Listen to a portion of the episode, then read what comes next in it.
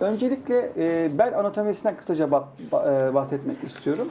E, insan vücut ağırlığının ağırlık merkezi olan bel bölgesini 5 adet omurga olarak adlandırdığımız bel kemiklerimizden oluşmakta. Evet. Ve bu bel kemikleri arasında ayağa kalktığımızda veya oturduğumuzda kemikler arasındaki sürtünmeyi ve vücut ağırlığını her iki kalça vasıtasıyla dizlere ve bacaklara eşit oranda aktarılmasını sağlayan bir nevi amortisör görevi gören disk yapılarının olması gereken yerin eee, dışında başka bir bölgede ki bu bölge bizim çok önem ve hassasiyetle eee, gösteren bir bölge omurilik ve sinirlerin çıkmış olduğu bölgeye doğru çeşitli zorlamalar, ağır kaldırmalar, ani bir hareket sonrası, yer değiştirmesi sonrası bel ve bacağa giden sinire baskı yapması sonrasında kişilerde bel ve bacak ağrısı ortaya çıkması